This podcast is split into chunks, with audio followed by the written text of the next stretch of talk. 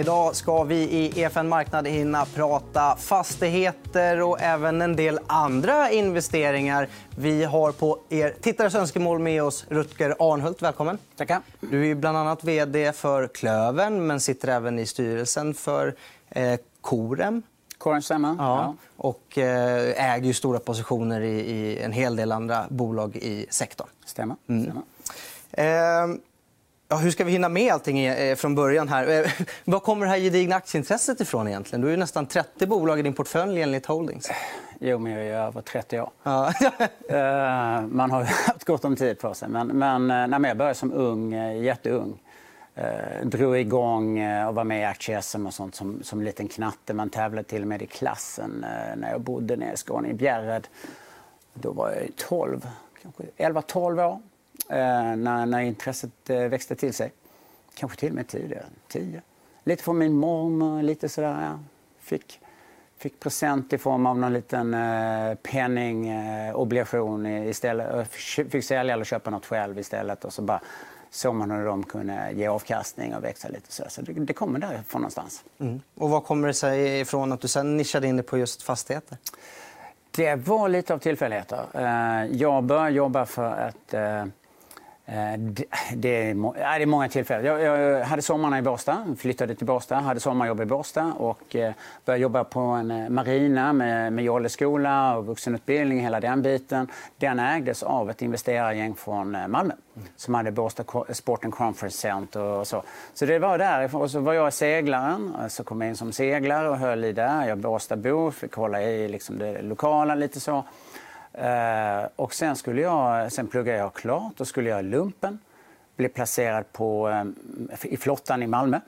Och sju dagar ledig, sju dagar in i flottan. När jag var ledig så sprang jag på de här investerarkillarna som hade kontor precis vid Börshuset i Malmö. Eh, och jobbade främst med fastigheter. Och så kom jag upp på deras kontor och så ledde det till att jag började jobba där de här sju dagarna man var ledig. Eh, och på den vägen är det. Sen gick ju de i konkurs. Mm eh, 91 och det här var ju typ 88. Så, så där, jag fick ju ett antal år, där, två, tre år. Eh, och sen så gick det överstyr och sen så fick jag lära mig hur det var att sitta med förvalt, konkursförvaltare och statlig lönegaranti och hela den biten. Eh, och plugga färdigt.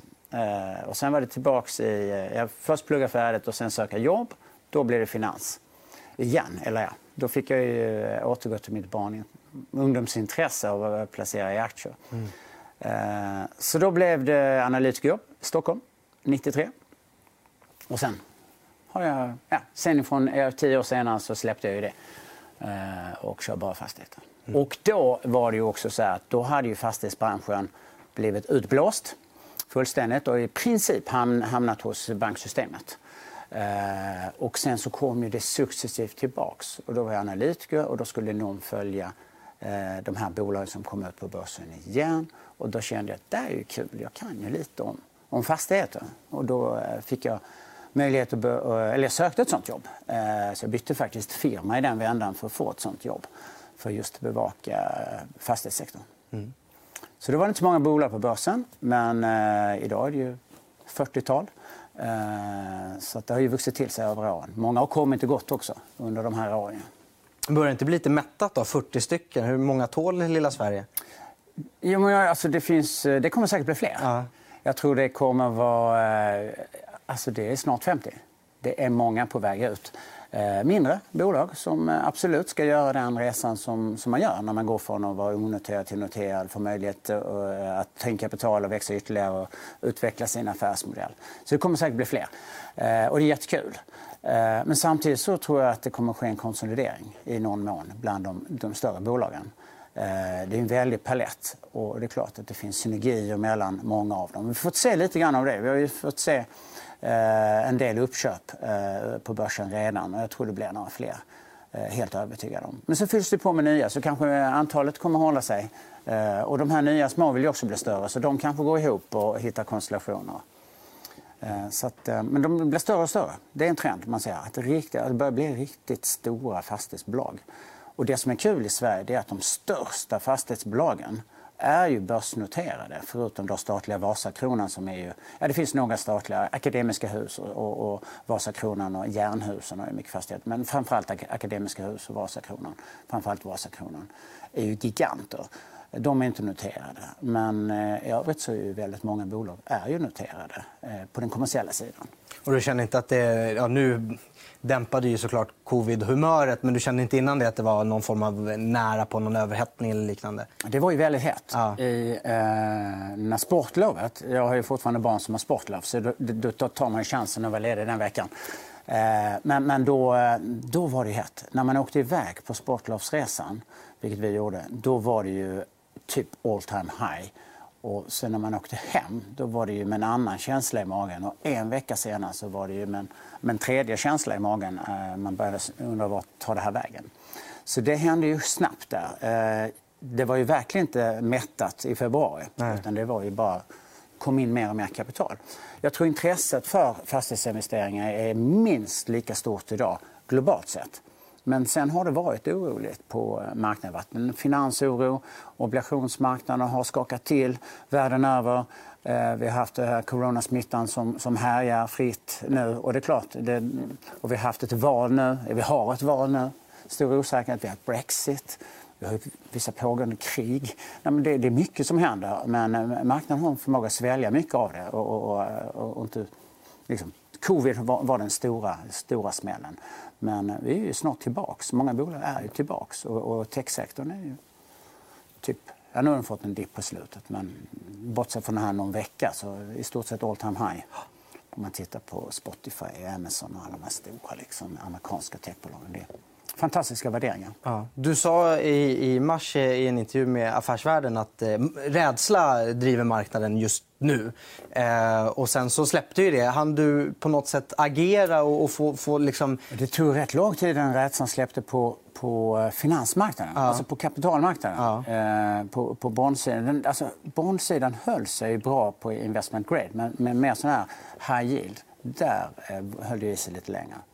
Mm. Så att, eh, men då var det rädsla, ja. eh, tyckte jag i varje fall. Och det är klart att man, det var ju mycket stor ovisshet. Eh, vart tar det vägen? Och nu, nu har vi lite av facitet vart det tog vägen. Vi ser att vissa sektorer går ju faktiskt ganska bra. Har gått, eh, då trodde man ju att allt skulle... Sen har man lärt sig. Eh, hemma hos-grejerna och hotellen och så vidare har ju gått väldigt bra. Rest, vissa restauranger har all time high, vissa har fått slå igen. Eh, så vissa har satt rekord, vissa har eh, stängt.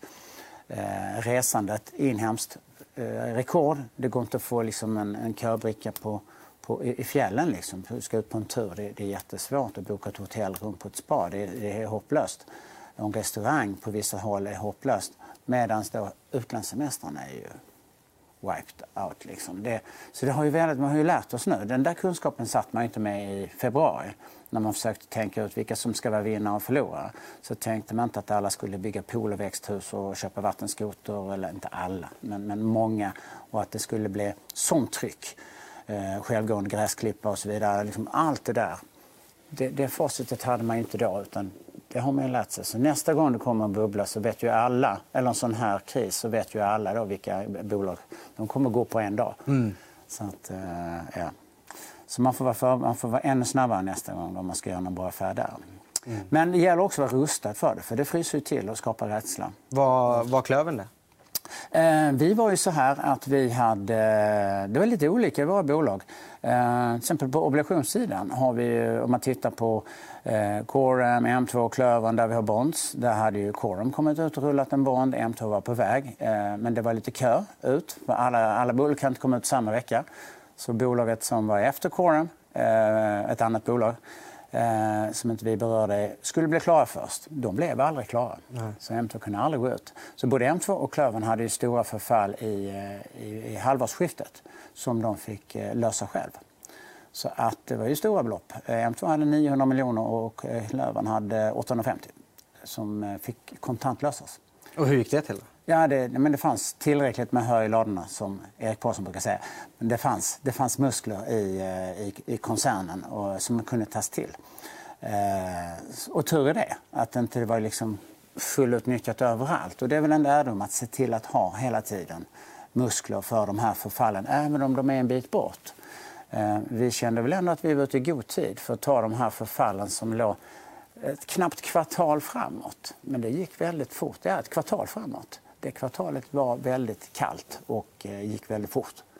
Så det gäller att omsätta obligationer i god tid, rulla lån i god tid och så vidare. Mm. Lånen visade sig å andra sidan, bankerna var stabila under hela den här perioden. Alltså befintliga lån blev aldrig någon diskussion kring värderingar eller deras vara eller icke vara. Det var stabilt och det är väl den, det är väl den synen vi alltid har haft, att ligga nära banken och, för banken är trygg. Eh, för de gör inget annat, ja de gör, men, men de, det huvudsysslan, en av huvudsysslarna det är att låna ut till stabila bolag, till fastighetsbolag, till andra bolag. Och det gör man. Liksom. Och sen anpassar man kanske marginaler och annat. Men man, man går liksom inte in och ut ur den business utan det är någonting man jobbar med. Man finansierar sig själv och man finansierar eh, upp sig själv så man kan finansiera andra. Och det är businessmodellen. Och de vill inte stänga ner den. Däremot obligationsmarknaden, den kan ju försvinna eh, eh ganska snabbt. Och nu försvann den lite grann på investment grade, men där gick räntorna kanske upp en procent medan den på high yield gick upp 5, 6, 7, 10 procent beroende på hur, eh, hur, eh, hur mycket av junk band du ansågs vara. Mm -hmm. Och det ska man ta med sig, att inte var där igen. Och där har du skälet till Klöverns eh, nyemission nu i höst. Just det, på två miljarder. På två miljarder. Ja. Eh, och det är inte för att vi måste, Nej. men det är för att vi vill vara starka. Och vi tror att det gynnar oss. Plus att vi har en investeringspipe som är intressant. Och den vill vi göra utan att då behöva belåna upp oss. Eh, normalt sett, tidigare kanske vi bara hade belånat upp oss. Tatt, I normal marknad tagit in en obligation på 2 miljarder och byggt för 2 miljarder. Eh, nu bygger vi med mer, större andel egna pengar. Eh, kommer ju fallet bli efter det. Och vi har stora projekt. Eh, och det är spännande. Det är där du hittar avkastning. Att gå ut och slåss med alla andra och köpa färdiga hus det blir inte så hög avkastning. Du kommer inte ens upp på 10 på avkastning på eget kapital. Ja. Och vi vill nå lite över det. Vi, vi siktar alltid på mellan 15 och 20 i nya investeringar. Och det hittar vi i projekt, men det är helt omöjligt att hitta det i förvaltningsfastigheter som du köper av någon annan. För det är så många andra där som vill köpa dem. Så då kommer du under 10 och det vill vi inte. Och då kanske du slåss även mot pensionsstiftelser. Ja, du slåss, ja. du slåss, I dagsläget känns det som, som att du nästan slåss mot hela världen. Ja. Det kan vara en kinesisk fond som köper. Det kan vara eh, Scottish Widows. Alltså det kan vara eh, en pensionskassa i Skottland liksom, för, för, för, för skotska änkor. Det är en kinesisk nyöppnad fond som har kommit in för att de ska ha, ha investeringar i Europa. De är stora. Eh, det är inte, många, eh, det är inte länge sedan till exempel en sån kinesisk fond bara köpte en stor portfölj av Blackrock på 100 miljarder eh, logistikfastigheter. Det är väl två år sedan nu. 100 miljarder. Så det är sådana stora belopp som bara kommer in plötsligt. Och så har du aldrig hört talas om fonden. Så, att de, de är, så det är en global konkurrens. Och att då tro att man ska hitta någonting som ger en jätteavkastning, Nej. det är nästan som att hitta pengar på gatan. Det blir för crowded trade helt enkelt. Nej, du, alltså, då, får du hitta, då får du vara duktig på någonting och skapa egna projekt. Och det, det, det är det vi har satsat på. Vi har gått ifrån att ha... När jag kom till Klöven så hade vi en person på projekt. Han var projektansvarig, en person. Idag är vi 30. Vi är 30 personer som jobbar med projektutveckling. Eh, och till det så köper vi ju alltid ganska mycket projekttjänster. Så vi köper säkert 10 tjänster till, minst. Vi, vi har ju inte inhouse eh, arkitekter eh, och konstruktörer och den typen i någon omfattning. Vi har en arkitekt, men liksom, vi, har inte, vi har inte tio. Och ibland kanske du måste ha, eh, eller tio ska man ha. Ja, jo, vi har nu engagerat tio olika arkitekter. Inte heltid, men, men totalt sett från olika firmor med olika projekt. Mm. Har marknaden hängt med i den här förändringen? Då? Att ni gått till att driva mer egna projekt. Eh, och också har ni under lång tid tagit ner skuldsättningen. Ja, vi, ja, det har vi också gjort. Ja. Eh, när vi, vi har ju gått ifrån en skuldsättning på... Vi har gått ifrån ett, eh, ett, en soliditet på som lägst 25-26 procent. Vi, det var januari, det var april, mars, april, april var det, 2014. Då förvärvade ju hela Globenområdet Eh, från Carlisle. Eh, då drog vi upp vår... Och det var inga problem. Vi kunde låna de pengarna och vi, vi förvärvade jätteförvärv. Eh, det var Europas största fastighetsförvärv vid den tidpunkten. Folk höjde lite på ögonen och sa oj, kunde ni göra det? Ja, men det, kapitalmarknaden var så pass stark så vi kunde låna de pengarna så det var inga bekymmer. Men skuldsättningen eh, blev ju högre och då tyckte man inte det gjorde så mycket. Men därifrån till nu har synen på skuld förändrats. Eh, man, eh, man vill se en större, ägare, eller större andel eget kapital och mindre andel skuld. Eh, och vi, vi har ju höjt våra krav. Vi ska ha en justerad soliditet på minst 40 procent. Eh, och vi kommer ju ligga med emissionen då över detta eh, med ett antal procentenheter. Och det känns ju bra att vi är där så vi inte eh, har ett mål som vi...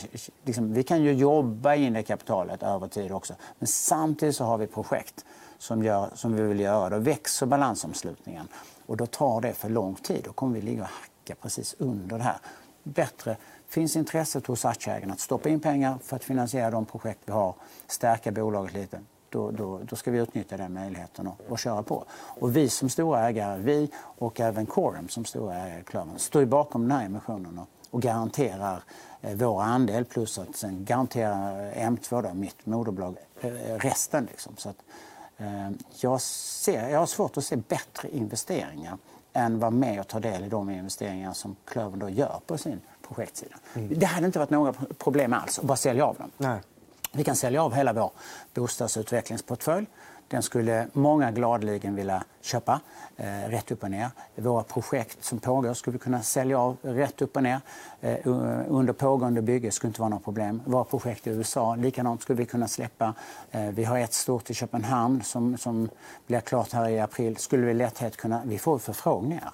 Men vi vill ju ha de här fastigheterna i vår ägo långsiktigt. Vi är inte inne för att vända runt dem. Eh, det är inte förbjudet för oss att göra det. Vi kan göra så. Vi kan göra ett projekt och sälja av och ta en vinst. Men i normalfallet så bygger vi för att få en förvaltningsportfölj som vi sen fortsätter bygga och bygga och inte sälja så mycket av. Mm. Sen har vi gjort vissa försäljningar under de sista åren och det är därför vi har fått upp eh, egna kapitalandelen. Vi har ju sålt hela Örebropaketet, förvaltningsportföljen. Vi har sålt en, eh, ett eh, axplock av mycket runt om i landet, alltså en spridd portfölj har vi sålt. Vi har sålt hela vårt Karlstad-portfölj. Eh, så att vi har ju sålt rätt stora enheter. Karlstad var vi största eh, fast, kommersiella fastighetsägare och, och lämnade den portföljen, eller sålde, lämnade den staden. För att vi vill frigöra då, där vi kan utveckla eh, nytt. Och i Karlstad hade vi utvecklat, eh, utvecklat nytt. Och så det ingick i det paketet. Så där fick vi hela den effekten av det vi hade byggt nytt och det gamla. Då. Hoppas du marknaden eh, värderar upp eh, bolaget nu med lägre skuldsättning och, den här tydliga nischen mot... När man ser effekten av det så tror jag att det kommer att bli en effekt. Eh, sen så ja, får vi se hur snabbt det kommer. Då. Sen men tror jag det viktigaste är att man ser jag tror det finns. Ja, men det, är en, det är en viktig parameter. Sen tror jag det är viktigt för vår del att vi visar att eh, New York kommer igång och hyrs ut. Nu, nu är det fortfarande under produktion. Mm. Vi har ju fyra jättefina projekt där. Två som är under produktion och två som är på ritbordet. Eh, de under produktion, där börjar vi nu eh, jobba med uthyrningen. Så att nästa pressrelease kring USA ska ju vara att vi annonserar en lease i någon av de här, de två första. Eh, så det ser vi ju fram emot och det jobbar vi med. Och vi är väl ganska övertygade om att bästa adresserna, eller mycket bra adresser i New York eh, när marknaden kommer tillbaka, det kommer inte vara något problem. Det är inte våra fastigheter som kommer att vara vakanta om det finns vakanser. Det kommer säkert finnas vakanser. Det finns ju vakanser överallt i alla städer. Men det är inte våra hus med nya, bästa klimatet, höga, schyssta takhöjder, bästa luften, eh, bästa värmesystemen och väntsystemen och, och, allt du vill ha. Anpa och även anpassat för virus. Alltså, det är ju, vi, vi, glädjen med det är att vi har hunnit anpassa eh, byggena nu. Så vi, vi kommer att vara någon av de få som kan, kan, kan hålla isär hyresgäster och ta hand om eh, eventuella, minska riskerna för spridning. Ja. Och det är bra. Det kommer många tittarfrågor om just eh, New York-projektet. Ja, det förstår jag. Mm. Är det inte lite hal is att ge sig så långt ut ifrån sin hemmamarknad, så långt bort? Nej, det är det inte. Eh, det är kanske lite hal is, men den är väldigt tjock. Ja. Alltså, det finns ingen tjockare is.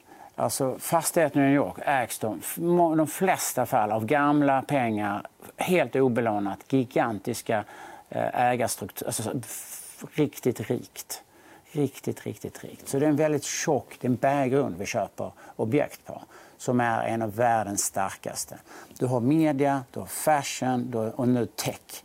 Antalet techanställda i New York-regionen passerar nu eh, västkusten Silicon Valley. Det har fler techanställda med de etableringar de har gjort med Facebook, och Google och you name it. Som har flyttat över, och inte, de har inte lämnat Kalifornien men de har dubblat sina enheter. Och det, det är i New York man anställer. Det är där man växer. Så det driver hela stan. Ovanpå att det redan var ett, ett turistmål av världsrang eh, och hett på, på alla andra. Som banking, turism, fashion, media och så nu även tech. Det är fantastiskt. Eh, de tre senaste åren har New York varit bland de topp tre investeringsmarknaderna i världen. I världen. Eh, Los Angeles och, New York har varit topp tre båda två. Vi har ju ingenting i Los Angeles men, men eh, de har varit topp. Och, och, det är liksom den analysen alla investerare gör. Var är tryggast och mest intressant att gå in? New York. Mm. Så att, om man, då bara, om man läser på och följer den globala analysen var det bäst att investera, då ska du ha goda argument för att inte investera. Och då kan du säga, ja, eh, legala barriärer. Ja, men alltså, alla avtal vi gör i Sverige är också på engelska idag. Och juristerna skriver det mesta på engelska, nästintill allting. Språkbarriärer. Ja, vi är inte lika slängda i engelska såklart, men vi är ganska bra vi förstår ju vad de säger och vi förhandlar inte personligen själv. Vi har ju amerikaner som gör det. Så, så vidare. Så det känns inte så mycket svårare. Det känns som att, att avfärda New York eh, och möjligheter när du har tittat och hittat case, då är man lite för bekväm snarare, mm. tycker jag. Men det, och det, Sen måste du ha stor, du måste ha muskler. Nu har vi 5 miljarder som inte gillar någonting. 5 miljarder. Det, det, är liksom, det, är mer än vad, det är ett helt börsbolag utan, utan hyresgäster, alltså, som en del av klövern. När det börjar gilla däremot, då blir det flöden. Då skjuter ju hyresintäkterna iväg, driftsnätterna iväg, räntetäckningsgraden iväg och så vidare. Och du finansierar upp för långsiktiga bottenlån istället för bygg, byggkrediter som idag liksom uppåt 5% räntekostnad ersätts med, med lågräntelån, långsiktig finansiering. Mm. Så det händer ju någonting. Och den, den dynamiken är, går att räkna på men du måste ändå någonstans lägga in en hyresnivå, en hyresgäst. Och det är den som är svårt för många idag. Och, och sen är det, köper du ett annat bolag så kanske du inte behöver en annan aktie. Du får inte den uppsidan men slipper hålla på och räkna på det här besvärliga. Men det tycker vi är lite eh, det är, värt, det är värt jobbet. Det är ett jobb vi gör. Det är en investering vi gör, men den kommer att bli väldigt fruktsam, tror vi. Mm. Det är vår analys, annars skulle vi aldrig gjort det. Eh, du är storägare i Sagax, Klövern, Corem, Castellum. Eh, fyra väldigt stora fastighetsbolag på Stockholmsbörsen. Eh, har också en jättestor position i Västbygg som kom in nyligen. Finns det några synergier man kan hitta mellan den här typen av bolag? Och det är klart att av förklarliga skäl är det många som undrar, börjar undra strukturaffärer. vad går att göra där? Ja, men det finns alltid för och nackdelar med strukturaffärer. Så det, har man ju, det, det, det spekuleras ju hela tiden om det. Jag vet inte hur många förslag på merge mellan eh, Quorum och, och Klövern vi har fått under åren där, där jag ju är huvudägare i båda. Varför slår man inte ihop dem? Men det finns skäl för och emot. Um, vad är det man säger? It takes two for a tango. Mm. Um, och, det, det, och, då är det inte bara jag, utan då är det alla aktieägare, alla större aktieägare. Nu har det inte varit några sådana diskussioner ens eh, Eh, i någon omfattning. Men det är mer. Det är banker, det är skatter, det är andra organisatoriska synergier. Vissa av de här synergierna kan man ju få fram ändå. Man kan lyssna med varandra, man kan ha man kan ha, eh, liksom, ta, dra lärdom från varandra. Det är ju inte så att Corum och Klöverns eh, IT-människor inte snackar med varandra, uthyrningsmänniskor inte snackar med varandra och, och tillsammans hjälper varandra. Vi, det här var en bra grej vi kom på. Eh, den borde ni implementera ni också. Man hjälper varandra eftersom man är lite av systerföretag. Så där kan du ha nytta. Och man, kan, man kan fråga vad fick ni ner ert pris till på det och det?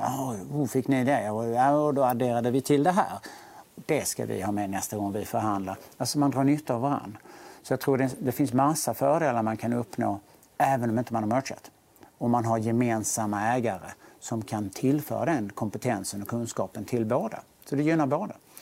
Eh, nu är de här bolagen eh, det är väldigt, som du säger, det är väldigt stora olika bolag med olika inriktning. Och Sagax logistik växer huvudsakligen eh, utanför Sveriges gränser idag. Det är mycket, på, mycket Frankrike, det är mycket Spanien, de sista förvärven. Spännande. Klövern är ju ett bolag som växer Eh, framförallt just nu då i Köpenhamn och New York de sista åren har minskat lite i Sverige och ökat sin Stockholmsandel. Så att Stockholm, Stockholm, Köpenhamn och New York står nu för 60 av värdet i, i Klövern. Det är en rätt eh, häftig omställning. Eh, sen har du eh, Coram som är då logistik. Det är som en del av Sagax fast det är då med fokus på Sverige eh, och framförallt Stockholm. Eh, och jobbar väldigt med, med just Stockholm, infrastrukturen. Stockholm, Göteborg, Malmö. Men eh, framförallt Stockholm är ju eh, väldigt dynamiskt och där har man gjort de flesta nyare affärerna. Eh, och sen har du Castellum som är den här giganten som finns i väldigt många regionstäder och också stora Göteborg och Stockholm. Men det är en gigant som har både kontor och logistik. Så de är lite annorlunda där. Och så Västbygg som bygger både bostäder kommersiellt och logistik. Framförallt är de superduktiga på, ja, de är duktiga på det de gör men de är en liten byggare som, som måste vara duktig för att få jobb och för, för liksom vara attraktiva. De är inte attraktiva av sin storlek. De är inte jättesmå men de är ju de är inte stora heller. Så de måste bevara sitt renommé om att vara duktiga. Så det är lite olika företag. Jag försöker tillföra vad jag kan uppifrån eh, så gott det går. Mm. Och dra lärdom. Hör jag någonting som är positivt så, så är det inget företag känsligt så kan jag förmedla det. Vissa saker kan jag inte förmedla. Jag får hålla isär. Respektera att det är olika bolag. Men vissa saker är jättebra att man förmedlar som någon form av styrelseproffs som är kunnig. Liksom, att man ser till att det kommer, kommer vidare. Mm. Vi har fått en tittarfråga från Martin Sikorski som undrar om ditt ägande i Footway. Och han är lite konfunderad också över att Footway eh, laggar mot Boost och Zalando. Vad, vad har du för tankar kring det innehavet? Alltså Footway är ju, eh, för det första, eh, det är ju en det bygger på en gammal relation och ett gammalt intresse för att hitta investeringar. Så Footway har sin grund i Lensway som jag var tidigt in, eh, var med och byggde upp eh, och som sen tog vägen till Stockholmsbörsen, Torontobörsen, Nasdaq och sen blev uppköpt. Eh, det är samma team bakom Footway. Tanken med Footway är samma som Lensway. Du skulle inte kunna så mycket om linser utan du läser kundens beteende och låter algoritmer se till att fylla lagret. Lite så. Och fotboll är samma sak. Du behöver inte veta vilken färg på oxen som säljer nästa år eller vilken löparsko som är bäst. Det lär du dig av vad kunderna söker. Så försöker du få hem det lagret och så mycket som möjligt av det så du kan leverera snabbt och direkt. Och idag är även Sportamore en del av eh, Footway. Så det gäller även sportartiklar eh, och sportmode. Eh, min, och varför det Laga? Ja, de har ju precis förvärvat eh, Sportamore. De har också precis gjort en stor nyemission för att kunna göra det förvärvet. Eh, nu håller man på med en integrering och, och, effektivisering. Man lanserar sig på nya marknader stup i ett och har ju gått ut på så många nya länder nyligen. Eh, det där tar lite tid innan det syns i siffrorna. Så att de, har väl inte jobb, alltså de har väl inte haft förutsättningar att leverera liksom, några fantastiska... De lägger ju sina, sina vinster på fortsatt expansion snarare än att jag ska säga, de bryr sig nog inte om kvartalsrapporterna. Det, nu, nu, talar jag för mig själv. Jag tror inte de bryr sig ett dugg om eh, kvartalsrapporten kvartal för kvartal. Det viktiga är att bygga värde långsiktigt. Ja. De har ingen... Jag är ju, ja, vi är ju största ägare med eh, drygt 25% Jag har inga krav på att jag vill se några bra kvartalsrapporter. Du blickar också längre? Jag blickar mycket längre. Bygg en, konkur en konkurrenskraftig e-handel vad ni levererar i Q3 2020 det är ju helt ointressant. Det intressanta är Q3 2024, 2025. Då ska ni vara störst. Förhoppningsvis. Eller riktigt stora, kanske större än Zalando.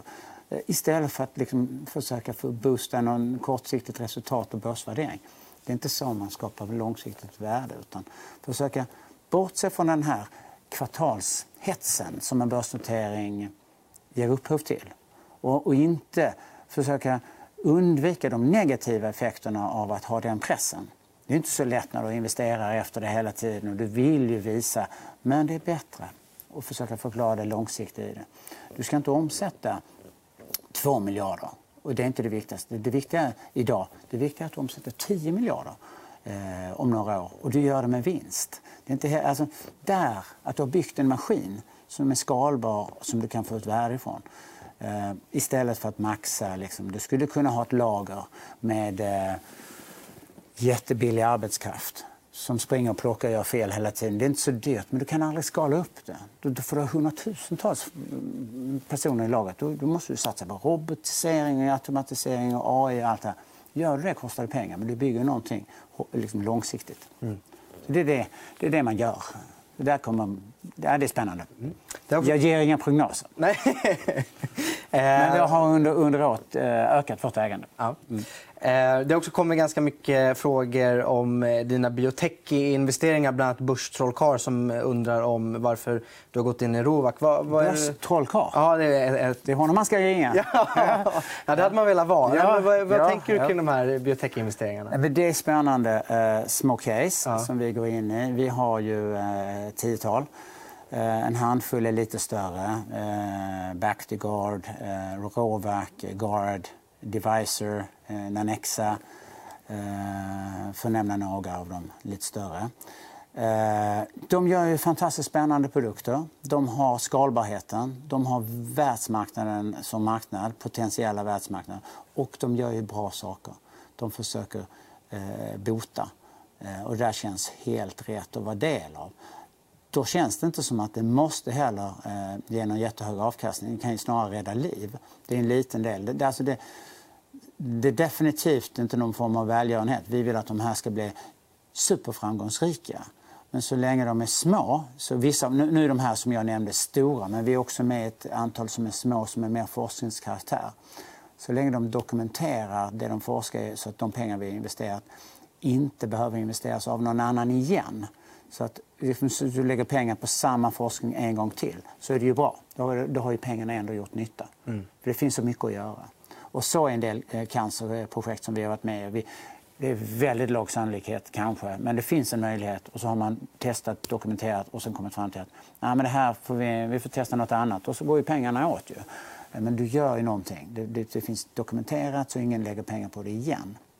Eller kan nyttja det som man har kommit fram till och se någonting som man vrider till. Och så. Väldigt spännande. Det är väldigt spännande. Men sen de här lite större, de, de, eh, när det väl slår till då, då blir det ju häftiga effekter. Så eh, vi hoppas väl att eh, vissa av de här har gått väldigt bra. Eh, men, men eh, jag tror det finns en oändlig uppsida kvar i alla de här. Marknaden är på något sätt eh, oändligt stor när det väl tickar. Det är så små om börsvärden och så på de här, när det väl tickar till. Just det. Så det är spännande. Så det är en kombination av att man, man känner att man gör någonting som är bra, men man tror ju också att det ska kunna bli både 10, 20 och 100 gånger pengarna om man träffar rätt. Och där lockar ju mig och eh, aktiedoktorn. Eh, Börstrollkarlen. Aktiedoktorn också. Ja. Börstrollkarlen. Doktorn kommer senare. Som, som, som säkert har ett intresse av, ja. Eh, av just att hitta de här vinnarna. Ja. Det, det, det, har ju vi också såklart. Det är spännande. För nu kommer faktiskt en fråga från, från Spardoktorn som undrar eh, hur ni resonerade när ni förvärvade Tobin Properties. Ja, eh, det har jag fått förklara eh, ett otal gånger. Ja. Och, eh, och då är det så här. Vi har, när jag kom in i, i Klövern, då, det är 20, 2012 eh, och vi gjorde en del eh, större förvärv under åren som kom så, så, så inser man att all den här marken som ofta ligger in till byggnader vi har och, och ibland är det parkeringsytor, ibland är det ren råmark. Eh, den går ju att bygga hus på. Men att bygga kontor på hela den marknaden kommer ju ta det kanske inte ens är lämpligt. Eh, det är kanske lämpligare med bostäder och det var ingenting vi jobbade med. Eh, vi hade förvisso en, eh, på den tiden, arkitekt Eh, som följde med ett av förvärven som hade jobbat lite med, med det på liten skala och hade något projekt nere i Lomma och något i Eslöv. Det, det, var, det, var, det var en kille som följde med dagen förvärvet. Så vi har haft det ända sedan dagen förvärvet som ju var 2013. Eh, så att, och då då insåg vi att eh, det här är någonting vi måste kolla igenom hela portföljen, hur mycket vi kan bygga och vad som är bäst att bygga. Och då kom vi fram till att här är ju en hel del vi kan bygga bostäder av.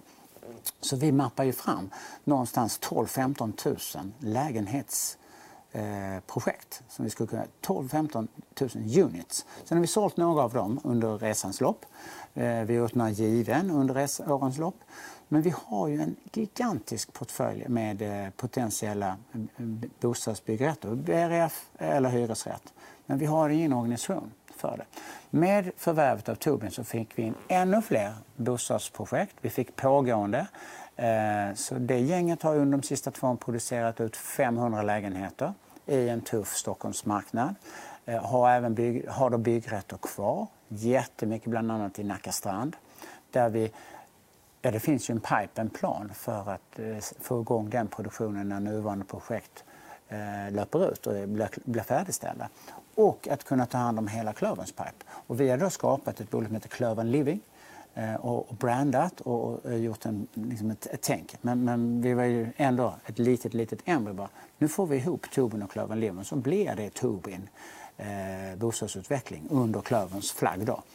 Eh, med en, en portfölj på ja, slänga sig med någonstans 12 till 15 fortfarande för det kommer ju in och man kan göra mindre lägenheter även om vi har sålt av det. En ganska stor.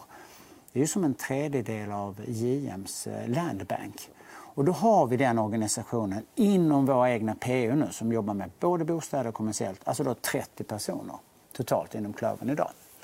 Eh, så där, det var skälet, byggrätterna och tänket. Och det är kul med Tobin och deras fina projekt de har gjort. De, alltså de har gjort rätt igenom jättemycket många fina projekt och fått priser för de här. Eh, det som var tufft för dem var ju hela tiden finansiering. För de kom ju, inte, de kom ju från ingenting. Och det är ju tufft. Och där hade ju Klövern en större muskel och ha en större muskel att kunna hjälpa till. Och det är ett skäl till vår nyemission. Mm. Att driva de projekten också som en del av. Och många av de här projekten det då, kommer att bli bostadsrätter. Det kommer att bli hyresrätter. Hyresrätter har inte vi något syfte i att förvalta vidare för de säljer till så otroligt låg De är så attraktiva så du får ju så bra betalt för dem. Eh, och då säljer vi dem som hyreshus. Bostadsrätterna säljer vi precis som Tobin har gjort eh, generellt, eh, hus, eller lägenhet för lägenhet. Så det, det är planen. Mm. Och det kommer också bli framöver fler given. Eh, på vissa håll där vi känner att det är nog bättre. Och några av de här projekten som kanske tycker är lite för små kommer vi sälja av. Där vi har jättemycket kan vi tänka oss att dela med någon annan byggherre.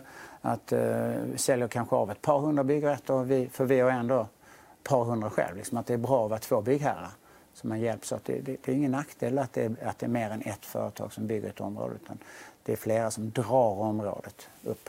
Mm. Så det är planen och det är bakgrunden till eh, Tubin det fanns, det, det, det fanns en djup tanke. Mm.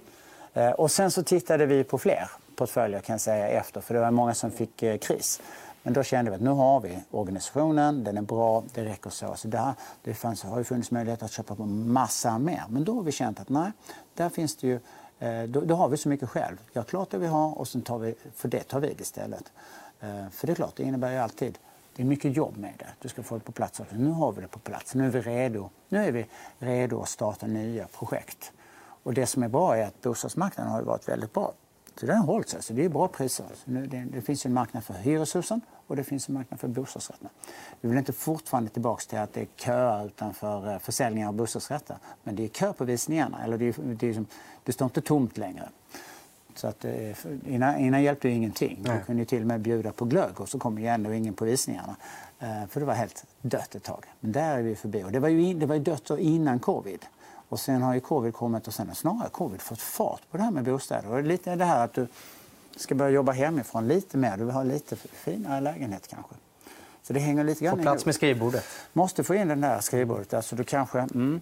Men vi märker också, vi har ju förråds, eh, förråd också. Vi gjorde ju vi gjorde en affär inom förrådshotellsidan. Eh, vi har ju Big Pink och, och vi eh, köpte då in oss nu i en konkurrent och så nu äger vi 50 eh, i Serverstore.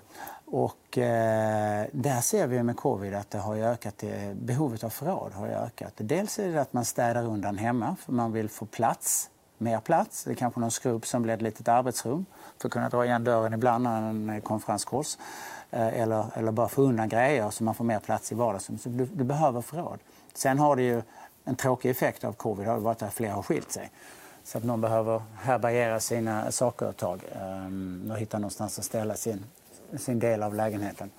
Eh, så det har också ökat behovet av förråd. Ehm, det kommer förhoppningsvis slå tillbaka sen när de hittar nya, ehm, nya kompisar. Ja. Mm. Och något som har slagit tillbaka på oss just nu det är tyvärr tiden som har sprungit ifrån oss. Men tusen tack för att du kom hit. Ja, det går ju fort när man har ja. kul. Ja. Eh, vilket är nog den mest slitna klyschan i det här programmet ja. att säga. Men det är, det är verkligen så. Eh, det är jättetrevligt att vara här. Ja, mm. superhärligt. Får komma tillbaka sen när ni får fler tittarfrågor. Ja, de bara regnar in. Så det blir nog... kör nästa år igen.